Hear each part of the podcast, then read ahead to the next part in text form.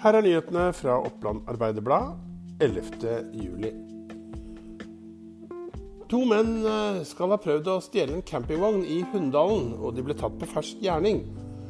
Politiet melder at de eh, natt til eh, lørdag tok to menn etter å ha prøvd seg på grovt tyveri i Gjøvik. De to mennene har tilbrakt natten i arresten på Hamar, og vil lørdag bli avhørt av politiet. Ifølge politiet er de eh, begge kjenninger eh, av politiet fra før, men det er ingen åpenbar tilknytning til Gjøvik-distriktet. Kommuneoverlege Siri Fuglen Berg i Gjøvik har svart i OA på hvorfor ikke breddefotballen kan starte igjen.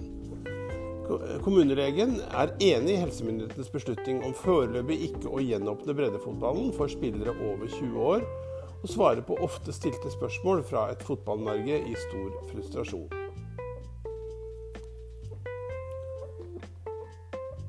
Det har vært stille på krisesenteret i koronaperioden. Det bekymrer daglig leder Heidi Olden Eng.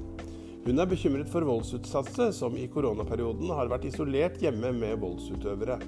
Først nå begynner voldsutsatte å komme tilbake til krisesenteret. Det har vært stille, og det kan være mange årsaker til det, men arbeidsledighet, permitteringer og flere hjemme kan gjøre det vanskeligere å komme seg vekk fra forholdene man lever under. Folk har begynt å ta kontakt igjen med oss nå, og det ser ut som det blir lettere å ta kontakt med oss når samfunnet nå åpner seg, sier Eng til OA.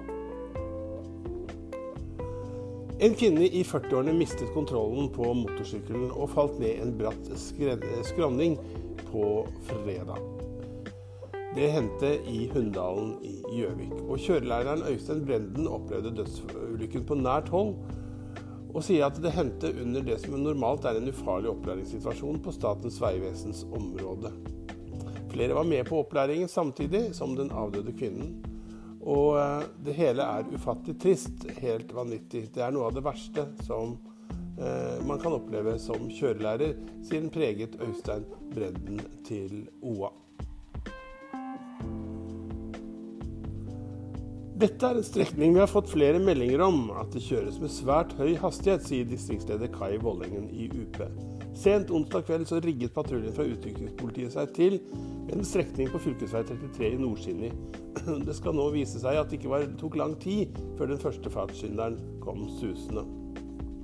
Det er en fartsgrense på 80 km i timen på stedet, men eh, en av personene som ble tatt, ble målt til 156 Førerkortet til den lokale mannen i 30-årsalderen ble beslaglagt på stedet, og han må nå belage seg på et rettsmøte for å få utmålt en korrekt straff for kjøringen.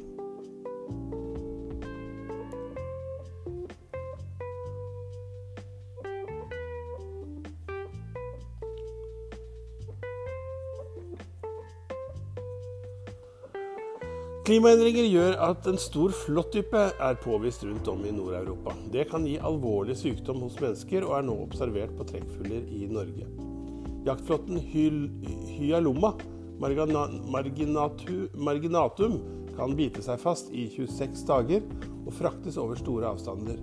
Flåtten er påvist eh, på trekkfugl både i Norge og Sverige, sier professor Snorre Stuen ved Veterinærhøgskolen i Sandnes til NRK.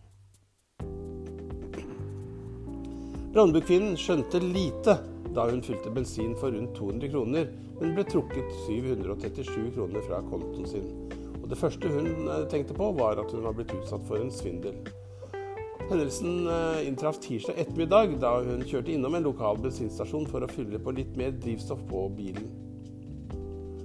Da, eh, da det som viste seg å være en smal sak for å få tilbake pengene, slik hun trodde det var, så viser det seg at det handlet ikke noe om en svindel. Derimot var hun offer for en ny praksis blant bensinstasjonsselskapene.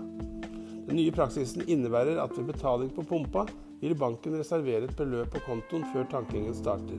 Normalt opplyses det reserveres 1500 kroner dersom dette er tilgjengelig på konto. Når man er ferdig med å tanke, vil reservasjonen annulleres og erstattes med det beløpet det faktisk ble tanket for. Dette var noen av de nyhetene som du finner på Oppland Arbeiderblad i dag, lørdag 11. juni. Eh, gå inn på oa.no for å finne eh, flere eh, nyheter utover ettermiddag og kveld. Mitt navn er Erik Sønstli, og jeg ønsker deg en fortsatt god helg.